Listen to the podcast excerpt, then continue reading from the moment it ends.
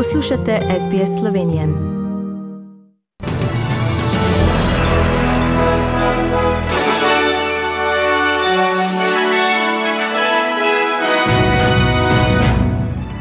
Letalski prevozniki se odzivajo na potovanje brez karantene v Sydney, Tasmanija v lockdownu. V Veliki Britaniji po napadu z nožem umrl poslanec konzervativcev. Kitajska odposlala astronaute na najdaljšo misijo na vesoljsko postajo. Biden objavil strategijo zaščite gospodarstva pred podnebnimi spremembami.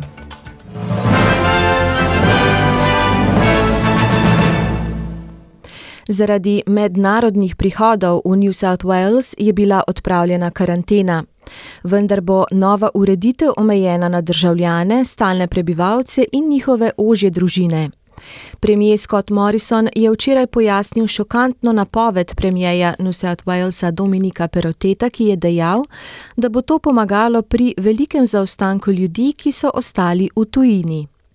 Večje letalske družbe, med njimi Qantas in Singapore Airlines, so se odzvale tako, da so odprle rezervacije in dodale lete iz destinacij, vključno z Londonom in Los Angelesom.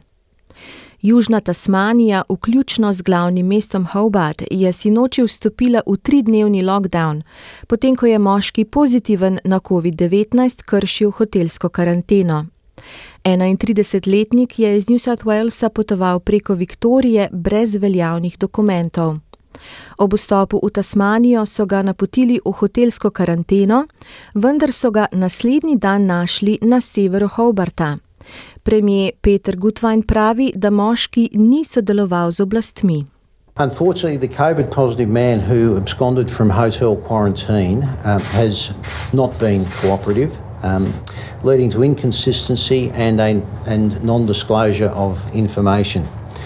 Unfortunately, it took two days to verify that he was at uh, the Woolies, uh, and with growing concern now that he has in, had, in fact, several touch points uh, within the community. V Veliki Britaniji je bil včeraj med obiskom v lokalnem volilnem okraju poslanec vladajočih konzervativcev David Ames tarča napada z nožem, po katerem je umrl.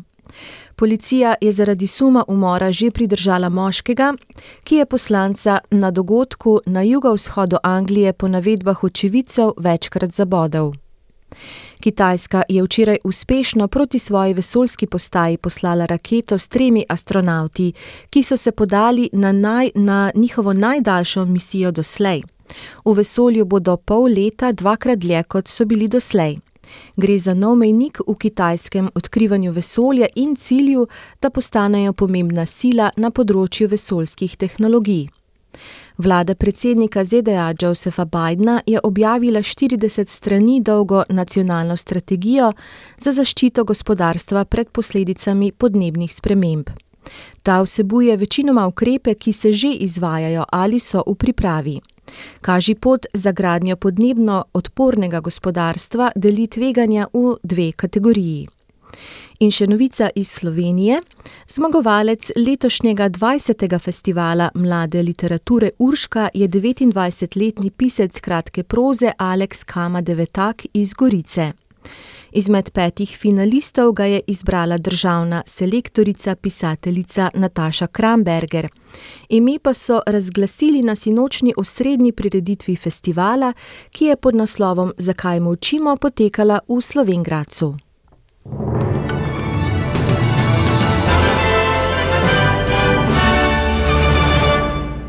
Poglejmo še menjalni tečaj in vreme. Za en ameriški dolar boste odšteli en avstralski dolar in 35 centov, za en evro pa en avstralski dolar in 56 centov. Kakšno bo jutri vreme po večjih mestih Avstralije? Cairns možne plohe 33, Brisbane sončno 28, Sydney sončno 22, Canberra sončno 19, Melbourne oblačno 18, Hobart oblačno 17, Adelaide delno oblačno 23, Perth ploha ali 222, Broome večinoma sončno 34 in Darwin plohe in nevihte 33 stopinj Celzija. Kakšno bo danes vreme v Sloveniji? Na zahodu bo sončno, v vzhodni polovici Slovenije bo predvsem zjutraj in dopoledne zmirno do pretežno oblačno. Na primorskem bo pihala po večini šipka burja, najviše dnevne temperature bodo od 13 do 17, na primorskem do 20 stopinj Celzija. To so bile novice medijskih hiš SBS in STA.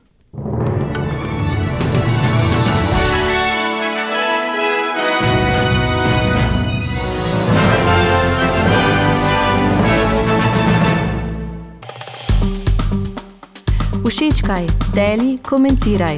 Spremljaj SBS Slovenijo na Facebooku.